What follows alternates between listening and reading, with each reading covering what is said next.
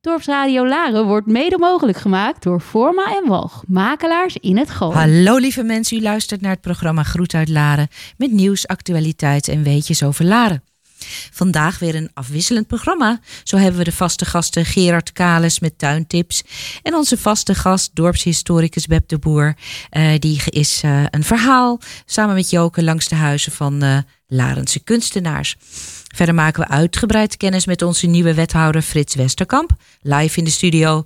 En Ineke Hilhorst neemt afscheid als voorzitter van Larens Behoud. Dit en nog veel meer in het komende uur. Ga er maar weer lekker voor zitten en luister naar Groet uit Laren. Vandaag is het donderdag 2 juni en in de studio zitten klaar Joke Kok, Erik Hurinke, die draait de schuiven vandaag en verzorgt de techniek. Mijn naam is Erike van Dijk. Blijf het komende uurtje maar weer lekker luisteren. Blijf op de hoogte van wat er speelt in jouw dorp. Het Goois Natuurreservaat, afgekort GNR, die bestaat 90 jaar en dat willen ze heel graag met ons vieren. Aanstaande zaterdag en zondag 4 en 5 juni vieren zij het Schaapsherdersfeest in en rond de Schaapskooi op de prachtige Blarikumerheide. En vanwege dit jubileum pakken ze dit jaar ongelooflijk groot uit. Met een extra dag, vele activiteiten, workshops, muziek en een grote markt. Er is ongelooflijk veel te doen. Op zaterdag 4 juni is het evenement geopend van 10 tot 5 en zondag van 10 tot 4. Dus hou deze dagen vrij. De toegang uh, voor het evenement is gratis. Centraal staat het scheren van de schapen. Ze knippen en scheren deze dagen hun beide kuddes. Dat zijn 300 schapen. En er is een grote tent waar de hele dag door wordt geknipt en geschoren. En je kunt het van dichtbij bekijken en ze beantwoorden graag al je vragen. De schapen die worden één keer per jaar geschoren. Dit doen ze op ambachtelijke wijze. Die schapen gaan er echt voor zitten en die zijn echt blij dat hun jas uit mag. Het scheelt ze ook echt een paar kilo een unieke belevenis om mee te maken. Nou, op de site van het GNR kun je al een beetje de sfeer proeven van het evenement en alvast kennis maken met de herders. Je kunt hier kijken naar een filmpje waarop je kunt zien hoe ze scheren en waarom de kudde zo belangrijk is voor de natuur. Op het terrein rond de schaapskooi is ook een eh, hele gezellige markt met kramen en foodtrucks. En op de markt kun je van alles vinden, van een geschoren schapenvacht, materialen om met wol te, veel te spinnen, weven of te haken en breien tot mooie handgemaakte producten. En ook zijn er originele lokale streekproducten. En ook voor de kinderen uh, is er een vijf strippenkaart waarmee de kids helemaal zelf kunnen kiezen wat ze graag willen gaan doen. Een lekker broodje bakken, zelf een fossiel maken. Je laten schminken of knutselen. De strippenkaart is tijdens het Schaapscherersfeest te koop bij de ontvangstbalie van het GNR voor 10 euro voor vijf activiteiten. Het schaapscherersfeest bij de schaapskooi is dit jaar uitgebreider dan ooit. Want ook zijn er allerlei creatieve workshopprogramma's. Er is van alles te doen. Bekijk het aanbod maar eens op hun sites en meld je alvast aan om zeker te zijn van een plekje. Uh, denk maar aan plantjes haken, een dierbeeld houden uit speksteen of bierproeven met de Gooise bierproeverij. Voor deze workshops vragen zij wel een kleine bijdrage. En een deel van die opbrengst die komt weer ten goede aan het Goois Natuurreservaat. Dus door mee te doen aan een workshop draag je bovendien bij aan het behoud van de Gooise natuur. Verspreid dus over de twee dagen kan men ook genieten van demonstraties en excursies. En het hele weekend door zijn er allerlei uh, demonstraties, filten, kaarden, spinnen, schapendrijven of een natuurexcursie met IVN. Nou, kijk op de site van GNR en kom het aanstaande weekend naar het Schaapsherdersfeest. En het is juni, de maand van de Sint-Jansprocessie. En Frans Bierlaag, penning en ceremoniemeester van de broederschap van Sint-Jan, die geeft zondag 12 juni een lezing in het kerkgebouw De Engel in Huizen over deze Larense Sint-Jans-traditie. En aan de hand van een PowerPoint-presentatie vertelt broedermeester Frans over het ontstaan van de Larense traditie, de ontwikkeling in de jaren daarna en ook hoe deze religieuze traditie heden wordt gevierd. Het hoogtepunt van de lezing is dan die Sint-Jans-processie, godsdienstige plechtigheid in de vorm van een optocht. En deze trekt altijd uit op de zondag, het dichtst gelegen bij 24 juni, de naamdag van Sint-Jan de Doper. En is in handen van de 18 eh, in 1806 opgerichte broederschap van Sint-Jan Laren. En die route van die processie die zal ook dit jaar weer geheel versierd zijn met erepoorten, wegversieringen en vlaggen. Nou, de komende optocht is op 26 juni dit jaar. Vertrekt vanuit de basiliek naar het Sint-Janskerkhof in Laren. En hier wordt ook altijd een viering gehouden. En daarna gaan de gelovigen als sacramentprocessie weer terug naar de basiliek, waar de slotplechtigheid wordt gehouden. De toegang voor de lezing die is zondag 12 juni geheel gratis, maar vol is vol. En daarom melden we het hier alvast in het programma tijdig.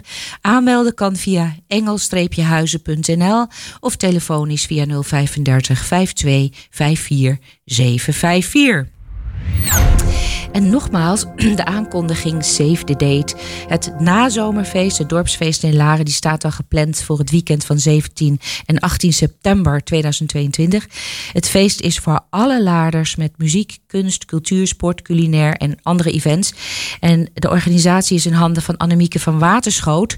Zij is aangesteld door de gemeente voor de coördinatie eh, voor het dorpsfeest. Maar zij heeft nog ideeën nodig, input en andere vragen kunt u haar ook bereiken op 06 466 14545 of gewoon mailen naar nazomerfeestlaren aan elkaar at gmail.com.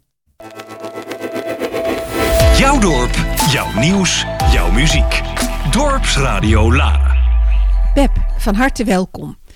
Ik kreeg deze week van jou een prachtig boekje waarin een wandeling staat beschreven langs de huizen waar kunstschilders woonden die in Laren hebben gewerkt.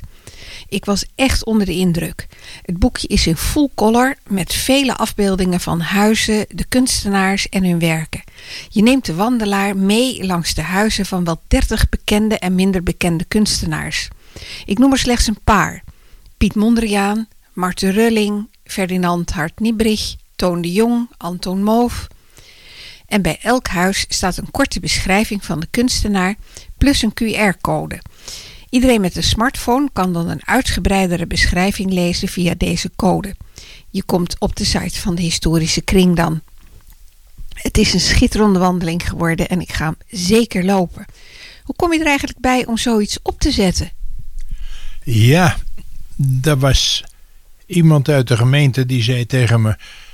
Uh, Beb, je hebt nog nooit een wandeling uitgezet langs huizen van kunstschilders. Dus ik zeg meteen, oh, toch wel? Wel, nee, dat was langs huizen van schrijvers. Ja, hé, hey, verroest. Hé, hey, inderdaad. En toen dacht ik, dan moet ik toch eerst eens even kijken waar al die schilders woonden. Dus ik heb van alles opgezocht en uh, alles genoteerd. Kaart van Laren erbij, stippen erop gezet wat een beetje bij elkaar aansloot. En ja, zo ben ik met de scootmobiel de hele route gaan rijden. Want fietsen is er niet meer bij. Nee, helaas niet. Maar heb, dit heb je vast niet alleen gedaan. Hè? Wie, wie heeft jou eh, hierbij geholpen? Zijn er nog meer mensen die hier aan meegewerkt hebben? Nou, ik heb alleen die route heb ik helemaal rondgemaakt. Heb ik beschreven wie er woonde, wat ze voor uh, soort uh, kunst hebben gemaakt. En uh, ja, dat heb ik allemaal op papier gezet. En dat heb ik ingeleverd bij de historische kring. Dus je maakt gewoon een soort van Word-document met van alles. En wat doet de historische kring daarmee dan? Wie, wie, wie doet dat daar? Dat heeft Hans Schapeder heeft dat uitgewerkt. Die maakt ook het tijdschrift, het uh, kwartaalbericht voor de historische kring. Maakt die ook. En hij heeft dit boekje ook helemaal uitgewerkt. Prachtig, zoals hij dat zelf wilde doen. En ik ben er echt blij mee. Het moet een enorme klus geweest zijn. Hoe lang doe je er nou over om zoiets te doen? Ja, elke keer een stukje. Hè?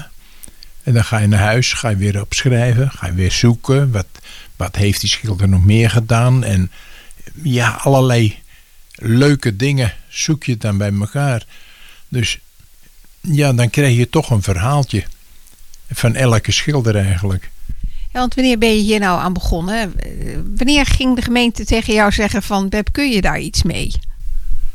Uh, nee, die, de, de gemeentelid, of iemand uit Laren, die zei toen tegen me: je hebt nog nooit zo'n eh, wandeling gemaakt. Dus ja, dan denk ik bij mezelf, ja, dat ga ik toch doen. Dat, dat, ja, dan gaat het kriebelen en dan, dan moet ik toch iets. En als je dan iets op papier hebt en je gaat dan rustig aan vanuit de Lindenhoeve de nieuwe weg op en dan zo die route gaan rijden, ja, dan kom je toch tot iets en dan op een gegeven moment weer terug, weer naar huis, later weer verder. Dus je bent er toch een poosje mee bezig. Je bent eigenlijk ehm, kunsthistoricus geworden hierdoor zo ongeveer, denk ik. Want eh, je moet het allemaal uitzoeken. Dus ik denk dat jij van Laren misschien het meeste weet over alle kunstschilders die hier gewoond hebben. Ja, misschien wel een heleboel. Dat, eh, je steekt er zelf ook een heleboel van op. Dat, eh, dat is wel een, een leuk ding. Heb je nou ook contacten met Singer hierover? Nee, dat niet. Ik ben wel eh, bij de nieuwe tentoonstelling geweest. En daar zag ik ook verschillende dingen neer. Dat ik dacht, hé, hey, dat staat ook in, het, uh, in de wandeling. Maar uh, nee, verder heb ik er eigenlijk niks mee. Dat, dus je zoekt het gewoon helemaal zelf uit. Hè? Je zit me hier gewoon rustig te vertellen van... Uh, ik begin bij punt nul. En uh, van lieverlee ontstaat er een wandeling als dit. Het is, je bent geen, geen kunsthistoricus. Uh, je hebt geen kunstgeschiedenis gestuurd, gestudeerd. Dus dat komt gewoon zo. En ik, ik kan mij zelfs voorstellen dat zo'n boekje en, en deze wandeling... een toeristische trekpleister van je welste is voor Laren. Hoe komt de rest van Nederland aan dit boekje? Ja, het ligt uh, te koop bij de historische kring. In de Lindenhoeve. En verder nog niet. Daar moet je toch iets aan doen, denk ik. Want het zou toch eeuwig zonde zijn als alleen mensen die de historische kring kennen... Uh, achter dit boekje aangaan. Ben je van plan om daar nog iets mee te gaan doen? Zou wel moeten hoor, Beb. Ja, nou ja, ik zal ze kittelen bij de historische kring. En misschien dat het hier of daar uh, op de toonbank kan uh, terechtkomen. Um, het hoeveelste boekje, want het is eigenlijk wel een boekje ook geworden. Van, van, het hoeveelste boekje is dit wat jij geschreven hebt over Laren? Nou, dat is nummer 48. ja, het, ik noem het altijd schrijfsels. Alle verhalen die ik geschreven heb. Ik heb dikkere boeken, dunnere boeken, hele smalle boekjes, maar bij elkaar 48. Dus dit is nu 49. Nou, nog één te gaan en dan heb je een enorm jubileum, mag ik aannemen. Ben je van plan nog meer dingen te gaan schrijven? Uh, ik ben met nog iemand bezig met een historische wandeling door Laren. En daarin beschrijf ik, nou ja, bijna elke uh, zijstraat en elke boom, zou je bijna kunnen zeggen, die we tegenkomen alles en alles wat er is, wat historisch is, dat beschrijf ik. En zo is een leuke wandeling ontstaan.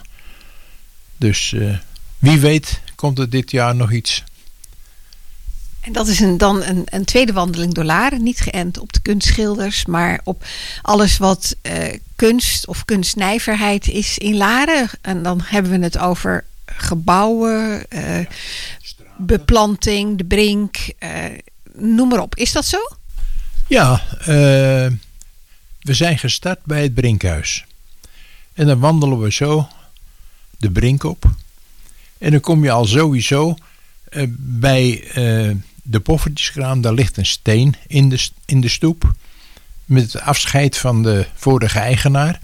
Dus een stuk histori historisch en poëzie. En dan wandel je zo de brink op langs het uh, gevallene monument naar de uh, Van Wulvenbank. En ja, over elk ding is wat te vertellen. Het wordt straks een boekje van 50 bladzijden of zo. Nou, het gaat wel een dikke worden. Dat, uh, dat is zeker. Maar wel leuk. Weet jij toevallig um, hoeveel kunstwerken van de kunstenaars uit, deze, uit, uit dit boekje in Singer hangen? Dat je het ook echt in Laren kunt bewonderen? Nou, exact zou ik het niet kunnen zeggen. Ik ben er wel tegengekomen. Maar nee, dat, dat, uh, dat is me echt niet helemaal duidelijk. Of er nou echt veel van hangt of weinig. Eh, dat, eh, dat zou ik zo niet weten. Web, heb je nog iets toe te voegen over het, eh, over het boekje? Eh, ja, wat moet je er wat zeggen? Het is, eh, weet je, ik ben daar heel blij mee. Het is zo mooi uitgevoerd. Hans die heeft er zo zijn best op gedaan. Dat, eh, ja, alleen de, voor hem is het eigenlijk een grote pluim. Wat hij heeft eh, eh, gemaakt, dat, dat is geweldig. Ik ben het volledig met je eens. Beb, dank je wel weer voor deze toelichting op het boekje. En ik hoop dat heel veel mensen van binnen, maar ook van buiten Laren, eh, dit boekje zullen, eh, zullen kopen en dan de wandeling zullen maken. Want ik vind hem ongelooflijk. Dank je wel, Beb, voor het schrijven en voor het toelichtende verhaal. Okidoki. En vandaag is journalist en tv- tv-presentator Willy Brort Frequin, die vorige week op 80-jarige leeftijd overleed, in besloten kring begraven. De afscheidsmis vond plaats in de Sint-Jans-basiliek in Laren, waarna de kist door een erehaag naar café Moeke Spijkstra, excuus, in Blarikum ging. En na de mis is de kist uitgeleid met een tocht eh, door een erehaag. En bij Moeke Spijkstra, samen met eh, café Het Bonte Paard in Laren, een van Frequens stamkroegen, is de rouwstoet gestopt om een minuut stilte te houden. Daarna ging de stoet richting de Woensberg, waar de overleden journalist naar zijn laatste rustplaats is gebracht. En na afloop van de begrafenisplechtigheid was er alleen voor genodigden een borrel in Moeke Spijkstra. Op uitdrukkelijk verzoek van zijn echtgenote, kinderen en naaste familie waren zowel eh, bij de afscheidsmis als ook de begrafenisplechtigheid. En de borrel alleen was het alleen voor genodigden. Maar de hele ochtend tot in de middag stonden er wel heel veel mensen voor de dranghekken om nog een laatste glimp van deze Larense bekendheid op te vangen. Rust zacht. Speciaal voor eigenaren van woningen met een bouwjaar tussen 1920 en 1945 organiseert de gemeente Laren een energiebesparingsaanpak. Deze woningen zijn bij de bouw slecht geïsoleerd, wat betekent dat er kansen liggen om de woning energiezuiniger en comfortabeler te maken.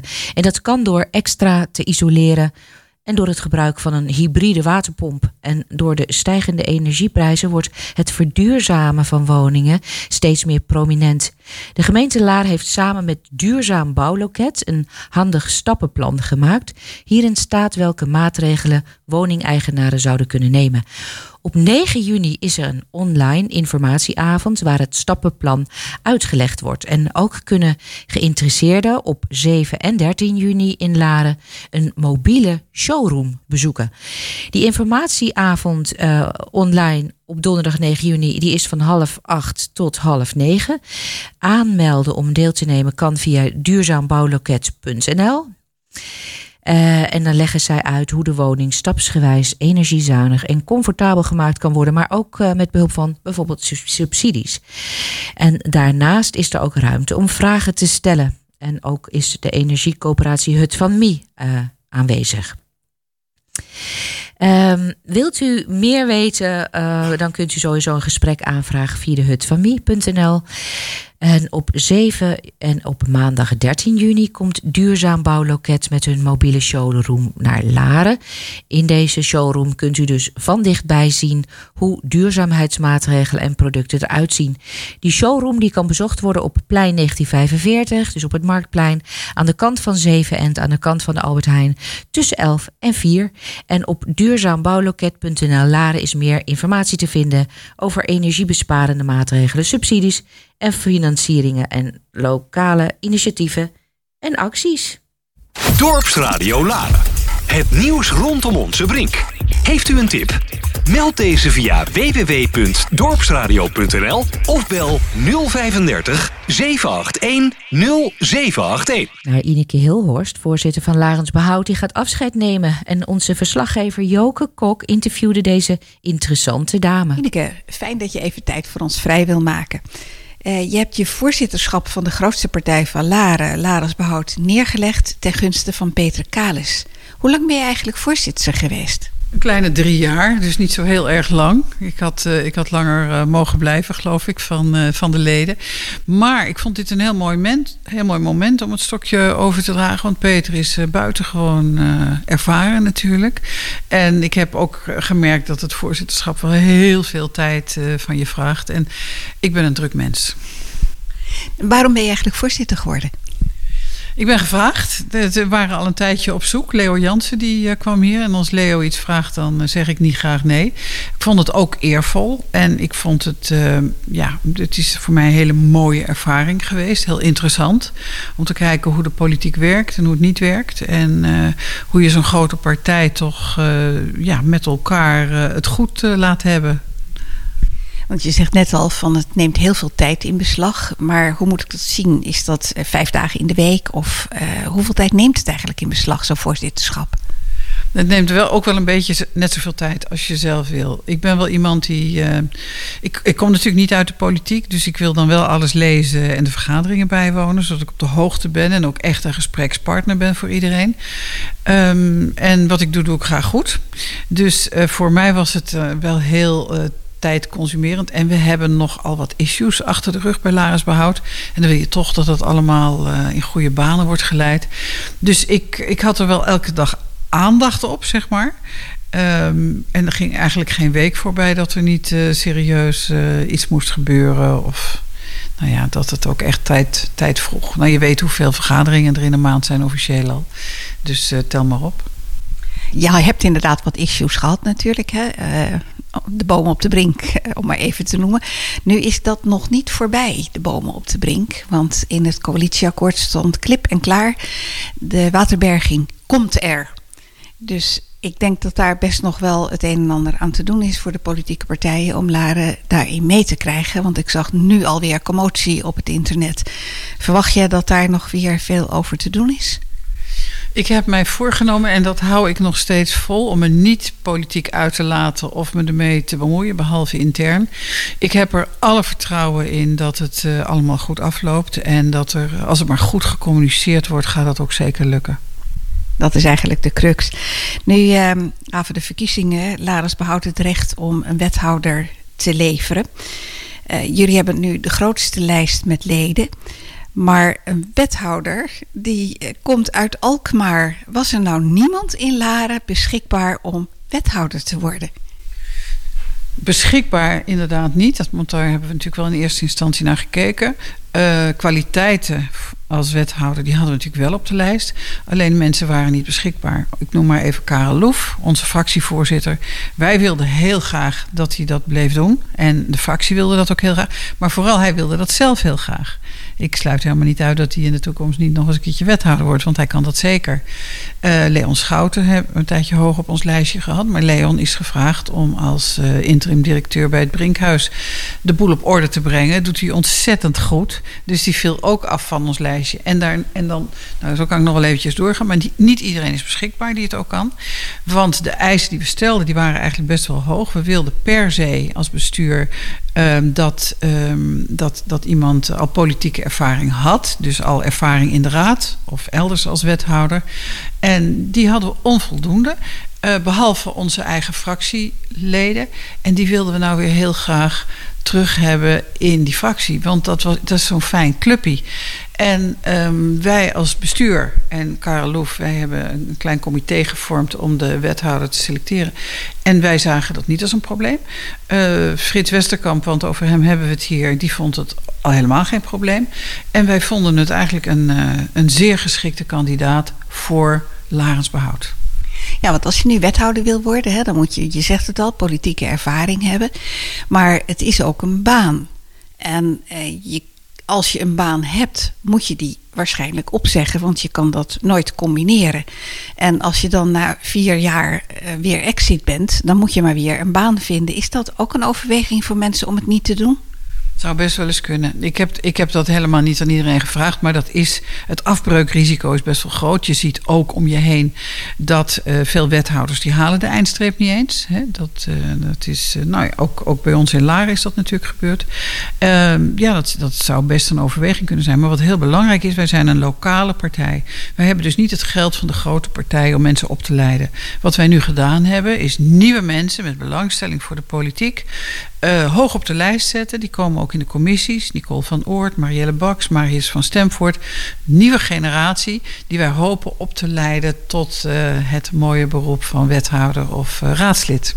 Dat doe je dan intern. Zijn er überhaupt opleidingen voor wethouders? En wie betaalt zoiets dan?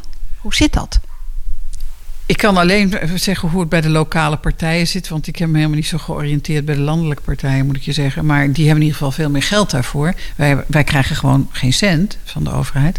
Uh, er is nu wel een uh, lokaal kennispunt, politieke partijen. En die geven ook cursussen. En die zijn ook voor ons gratis.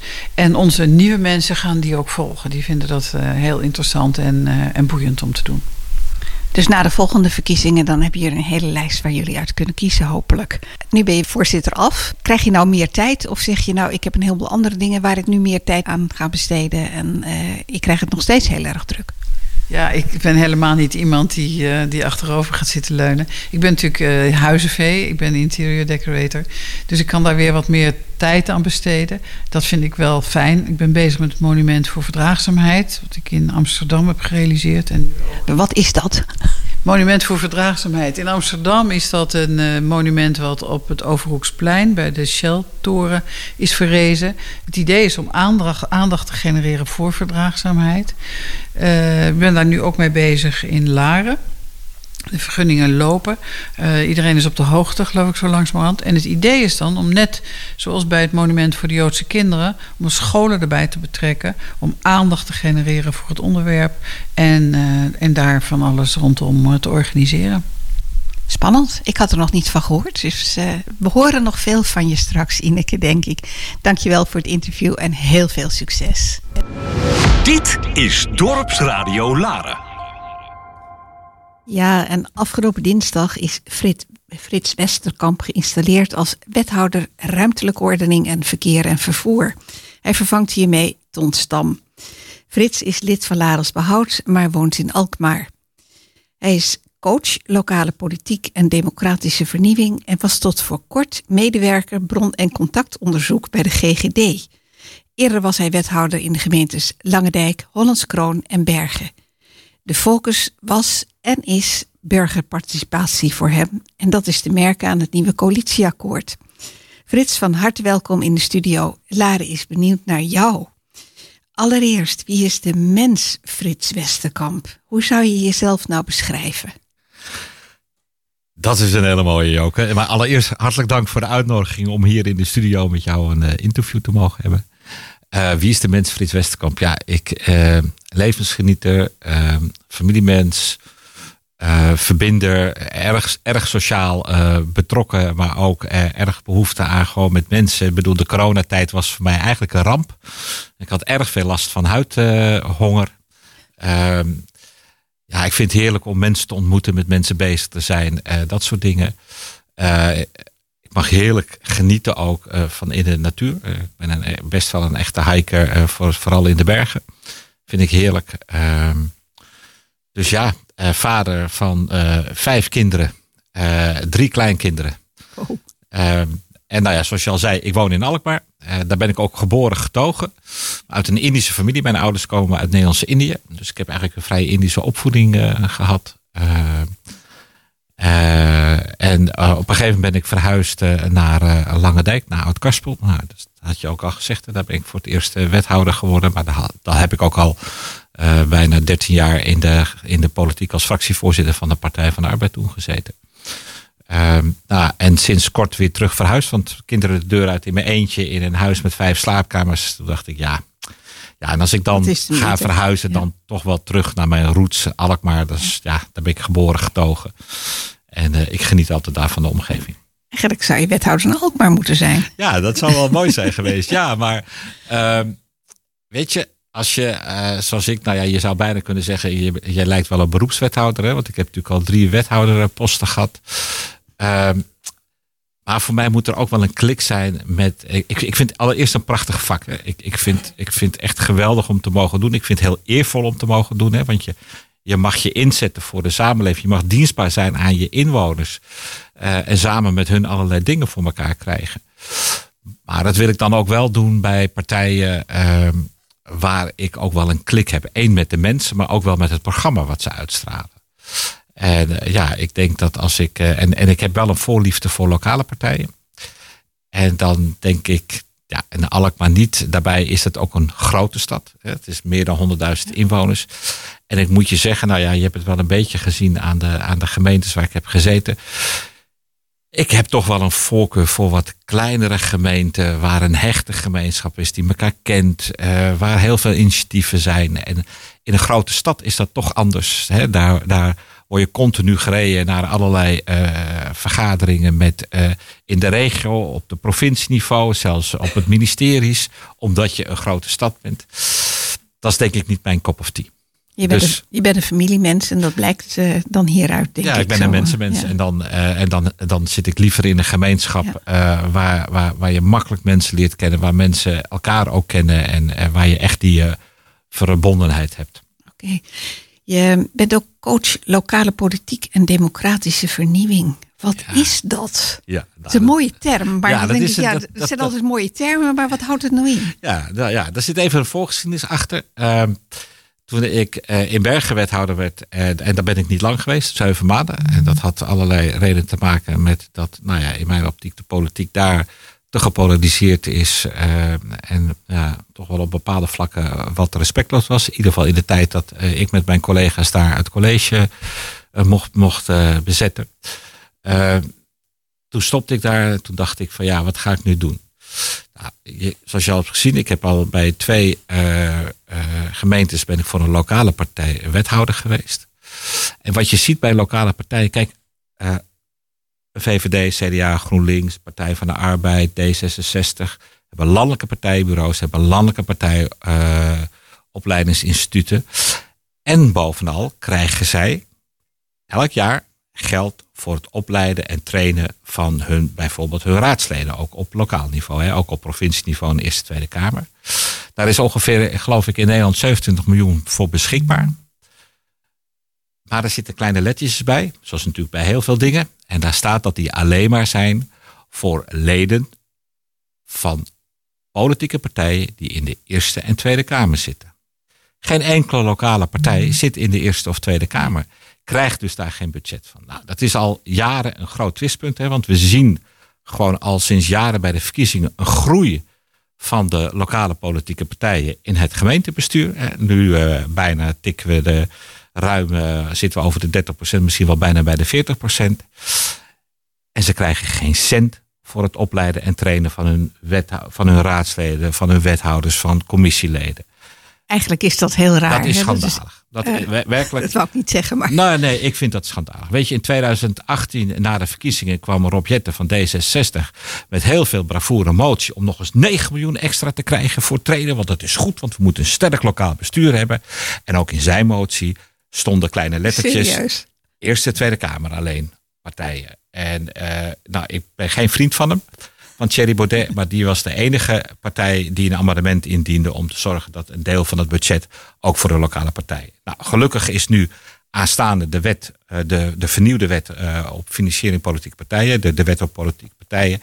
En er lijkt nu eindelijk een meerderheid in de Eerste en Tweede Kamer te komen. Die eh, budget miljoenen beschikbaar gaat stellen om ook mensen van lokale partijen. Dus eh, wat is het gevolg? Eigenlijk een, een ongelijkheid in het eh, nou ja, kwaliteitsniveau. En dat is dus niet denigrerend bedoeld. Tussen eh, eh, raadsleden van lokale partijen en van eh, nou ja, raadsleden van eh, lokale afdelingen van landelijke partijen. Je hoorde het Ineke ook net zeggen. hè? Ja, Ineke zei Ja. dat ook. En eh, ja, dus, dus ik had toen van, weet je, ik ga een coachbureau beginnen. eh, met name om eh, wethouders van lokale politieke partijen te kunnen coachen en ondersteunen als het behoeft. Ik bedoel, ik, ik, nou, ik vind dat ik genoeg ervaring heb opgebouwd. Nou, in de coachtraject die ik heb gedaan, blijkt het ook wel. Althans, de wethouders waren daarover zeer tevreden met wie ik het heb gedaan. Ja, en democratische vernieuwing is gewoon mijn ding. Dat is dat, dat. Zeker sinds ik een Hollands kroonwethouder ben geweest, waar toen de vier gemeenten samen gingen, zij heel duidelijk hebben gesteld, de raden, hè, want die hebben als eerste bepaald of zij samen gingen. Niet een colleges of zo, maar echt de raden. Van als we dat gaan doen, dan willen we ook echt van meer zijn dan van hetzelfde. Dan willen we ook echt betekenisvol zijn voor onze inwoners. En vandaar dat daar dus de beruchte overheid 2.0 is gestart, waar gewoon de inwoner echt centraal staat, waar je gewoon echt zegt, college, raad en ambtelijke organisaties zijn dienstbaar aan haar inwoners. Ik bedoel, elke gemeente kan dienstverlenend zijn. Hè? Ik zeg altijd maar, elke gek kan op zondag het paspoort bij jou thuis brengen. Maar dienstbaar zijn aan jouw inwoners, dat is een hele andere orde. Dat is een hele andere houding en attitude. Nou, dat is iets waar ik, uh, nou eigenlijk vanaf dat ik uh, wethouder werd, altijd betrokken ben. Want we hebben eerst landelijk het uh, de, de Democratic, Democratic Challenge gehad, uh, waar het wat ook echt inwoners hebben betrokkenheid wou versterken. Het heet nu Democratie in Actie. Ja, daar ben ik altijd bij betrokken geweest. Hoe, uh, hoe vertel je dat naar Laren? Want als ik dus kijk naar het coalitieakkoord, dan vind ik daar best wel elementen van dit verhaal in terug. Ben jij nou aangewezen om dit naar ja, Laren te vertalen? Ja, ja, ik, Ga je ik, mensen, mensen ook coachen hierin? Nou, ik mag uh, de inwonersbetrokkenheid, schuine streep bestuurlijke vernieuwing op mijn portefeuille uh, hebben. en waarom ook bestuurlijke vernieuwing? Wil je echt je inwoners betrekken, dus vanaf het allereerste begin, hè, en ook um, een, een, een, oud collega van mij, Floris Schonewoerd van de lokale partij Pro, Pro Brasem in Kagen-Brasem, of Pro Kagen-Brasem heette dit, die zegt altijd, een inwoner is de bondgenoot en de gemeente is de partner. Dus uh, zo moet je elkaar ook, uh, ook verhouden. Maar wil je dat voor elkaar krijgen, dan moet eerst wel college, raad en ambtelijke organisatie ook de mindset hebben dat buiten naar binnen mag komen, zeg ik. Dus wil jij naar binnen, van binnen naar buiten gaan, uh, of wil je buiten naar binnen halen, zoals ik dat altijd al maar zeg, dan moeten we binnen wel klaar zijn om buiten te ontvangen. Kun je een voorbeeld geven van een eerste aanzet hiertoe? Heb je daar al over nagedacht? Ja, ja, we, we hebben, nou ja, dat hebben we natuurlijk. Hè, dat zeg je, uh, het, het, coalitieakkoord is er. Het is wel de rode draad in het coalitieakkoord. Maar lang niet alle laarders hebben dat gelezen. Hè? Bijna nee, niemand, nee, ik. nee, nee, daarom niet. Uh, nou ja, wat, weet je, het is prachtig om ambtelijke organisaties te hebben. En die heb je ontzettend hard nodig. Die, die mensen doen ontzettend veel goed werk op basis van uitvoering op zich ook wel in beleidsontwikkeling. Maar je hoort natuurlijk wel eens de klacht van inwoners van, ja, hoe kunnen ze nou met zo'n voorstel komen? In de praktijk is iets soms heel anders. Weet je, in een gemeente zit gewoon heel veel kennis en deskundigheid. En eigenlijk maken we daar vaak als gemeentebestuur te weinig gebruik van. Weet je, ambtenaren komen met goede stukken, et cetera. Maar soms merk je dat dat uh, nou ja, verkeerd loopt. Ik, nou, ik denk dat, dat uh, Laren Regen Klaar de Brink, waar je, waar je het ook uh, met Ineke over hebt gehad, daar een goed voorbeeld van is. Ja. Dat je uh, op zich een prima voorstel, wat, nou ja, wat ik er tot nu toe van weet, hè, want ik bedoel, ik ben er ook nog maar net, denk ik ook dat het heel goed is dat die waterberging er komt, om, om toch die opvang te doen. Hè. De laatste dagen heeft het ook weer geregend, veel. maar ga dan eerst gewoon met iedereen in gesprek van jongens, hoe gaan we dat doen bij die brink? Want iedereen weet dat die brink voor iedereen hartstikke belangrijk is. Dat daar bomen op staan, dat die hele inrichting belangrijk is. Dus als je daar dan een waterberging onder wil brengen, ga dan eerst met elkaar in gesprek.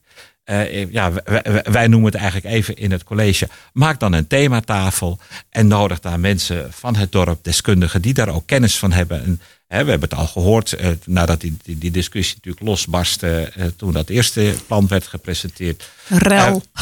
een rel. een waar, waren een aantal mensen die zeiden van ja, maar we hebben best wel alternatieven.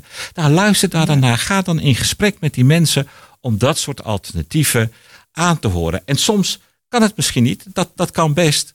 Dus ja, weet je, we hebben een beetje het credo. Uh, nee, niet. We hebben een beetje. We hebben echt als, als college gezegd.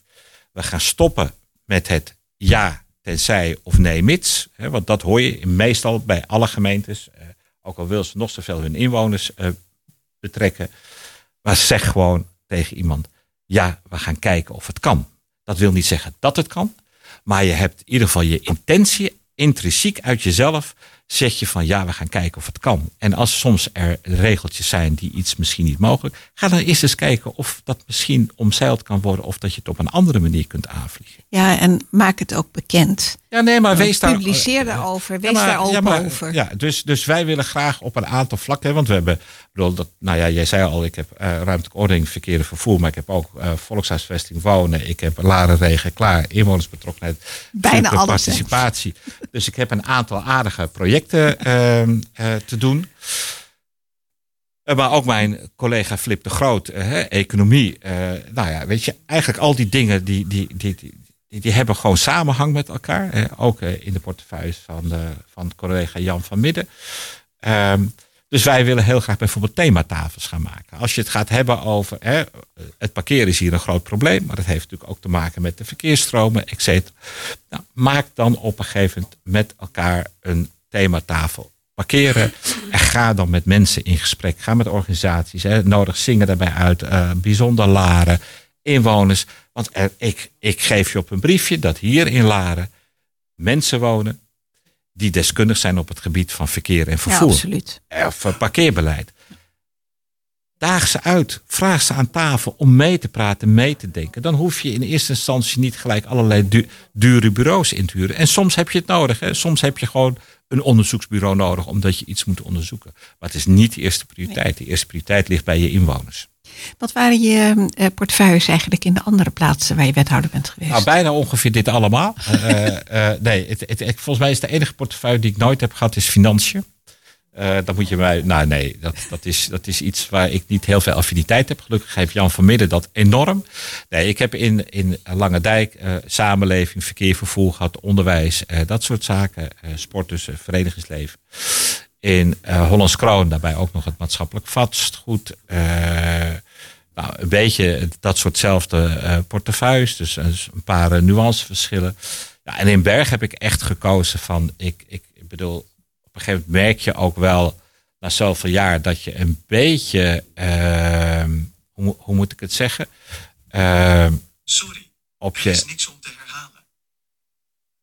Sorry, dat, is, dat is mijn, eh, mijn eh, Siri die af en toe praat. Ik hoor ik? Dan heb ik hem wel stilstaan, maar dat gebeurt soms. Dat, dat is bij Apple. Hè. Dan heb je Dat is Siri leuk. en die hoort een woord en dan denkt hij opeens ik moet gaan praten. Eh, nee, en, en ik heb voor Bergen dus duidelijk gekozen om ook ruimtelijke ordening te gaan doen. En dus een beetje meer de, de stenen portefeuille. Eh, dus ja, in dat opzicht, de, de portefeuilles die ik heb, hè, los van bepaalde projecten die natuurlijk specifiek Laren zijn, zoals Laren Regen Eh, zijn mij eh, niet onbekend. Nee. Nee. Heb je eigenlijk nog iets gedaan voordat je in de politiek ging? Ja, ik ben eh, van oorsprong IC-verpleegkundige. En in 98, eh, ja, 99, een beetje overgang. ja, merkte ik toch dat ik qua mijn mobiliteit een beetje stram en stijf werd. En na onderzoek bleek ik een uh, reuma-ziekte te hebben. En toen kreeg ik het dringend advies om niet meer aan het bed van de IC te staan. Eh, dat, dat, daar heb ik heel veel jaren heel veel moeite mee gehad. Want ik heb er echt heel bewust voor gekozen. Het is een prachtvak. Zwaar, maar ontzettend mooi vak. En toen werd ik hoofd van de meldkamer ambulance brandweer in Noord-Holland-Noord. Die waren net gefuseerd. En uiteindelijk ben ik binnen de veiligheidsregio eh, senior beleidsmedewerker geworden. Uiteindelijk voor de ambulancezorg en voor de meldkamer ambulance brandweer en politie. En vanuit dat ben ik ooit wethouder dus in Langendijk geworden. Juist. Ja, en eh, je bent een beetje op jouw stek terechtgekomen nog. Eh, je bent bij de GGD gegaan in de coronatijd. Las Nou ja, weet je, ik was natuurlijk dat coachingsbureau begonnen. En toen kwam dat ene beestje langs, wat corona heet. En daar viel het werk weg en het werd stil. En ik denk, ja, ik moet toch wel mijn boterham verdienen. Dus toen zochten ze bij de GGD mensen voor het bron- en contactonderzoek. Dus dat ben ik gaan doen. En uiteindelijk ook vaccineren. Ik heb dus ook nog ge- gevaccineerd. Want ja, dat kun je als verpleegkundige natuurlijk. ja, en ik was wel niet meer GB geregistreerd. Maar eh, ja, daar kon je ontheffing voor krijgen. Dus eh, ja, Ik, ik moet helaas afronden, zie ik eh, van de Oh, oh. redactie. is het alweer Ik zo heb nog, eh, ja, ik heb nog een laatste vraag, want er Ja. zullen veel luiders zich afvragen. Laren, Alkmaar is drie kwartier tot een uur. Ja. Je moet op de meest gekke momenten als Ja. wethouder moet je beschikbaar zijn. Heb je een Pierre Ter in Laren? Nee. Dus ik denk, Je ook niet dat, en ik denk dat het ook niet betaalbaar was als ik misschien in Alkmaar wethouder was geworden. en ik had er niet gewoond, had ik, had ik in twee huizen kunnen betalen. Dat is hier gewoon lang. We zijn een kleine gemeente, 11.000 inwoners. Eh, Maar ik vind dat geen punt. Weet je, ik heb het jou gezegd, ik hike. Dus ik ben gewend om af en toe lange afstanden te maken. En het is eigenlijk helemaal niet zo ver. Uh, en ik, ik, ik merk ook, bedoel, ik ben de laatste weken natuurlijk hier best heel veel al geweest voordat ik uh, wethouder werd. En ik vind het eigenlijk helemaal niet zo'n probleem. En ik ben ook een, wel een OV-freak. Dus uh, zodra ik een beetje weet hoe alles hier raalt, wil ik eigenlijk gewoon mijn elektrische fiets op het station in Hilversum zetten. Dan kun je het mooi in die stalling doen. En dan, wat ik heb gemerkt, met een uurtje ben ik met de trein, kan ik lekker rustig ondertussen werken. En hier stap ik op de fiets en een kwartiertje later ben ik op, hier op het gemeentehuis. Plus, ik weet dat je hier alles fietsbaar is. Dat is helemaal waar. Tot slot geef ik jou de wandeling van Beb de Boer langs alle kunstschilders, uh, de huizen van kunstschilders die hier in Laren woonden. Je loopt graag, maar als je slecht loopt kun je het ook op de fiets doen. En uh, ik zou graag een terugkoppeling van je willen hebben hoe je hem vindt. Dat, uh, dat je bent de eerste wethouder die hem krijgt. Misschien kun je het met je collega's gaan doen. En ik ben heel benieuwd hoe je het vindt. Dankjewel voor het gesprek. En ik denk dat we nog veel van je zullen horen. En ik hoop je nog vaak bij de radio terug te zien. Dankjewel. Veel, en heel veel succes uiteraard Dankjewel. in En ik heb er ook ontzettend Wil jij meewerken aan Dorpsradio Laren? Dan zoeken we jou. Dan zoeken we jou. Kijk op dorpsradio.nl ja, en het raadhuis van Laren die staat nu daadwerkelijk te koop. En belangstellenden kunnen vandaag, morgen en overmorgen terecht voor een bezichtiging. En dat heeft het college de gemeenteraad laten weten. Colliers is de geselecteerde partij die de verkoop van het raadhuis begeleidt. Het bedrijf is geselecteerd uit de drie gerenommeerde landelijke makelaarskantoren die kans maakten. De verkoop vindt plaats met de randvoorwaarden, zoals eerder aangegeven.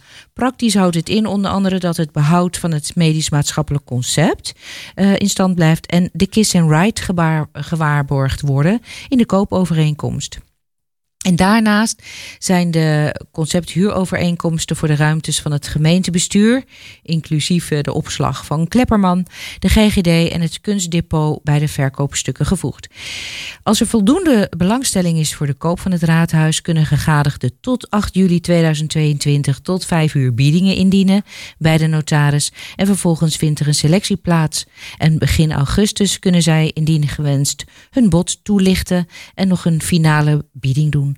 Een potentiële koper wordt 15 augustus aangewezen en op 5 september kan de koopakte ondertekend worden.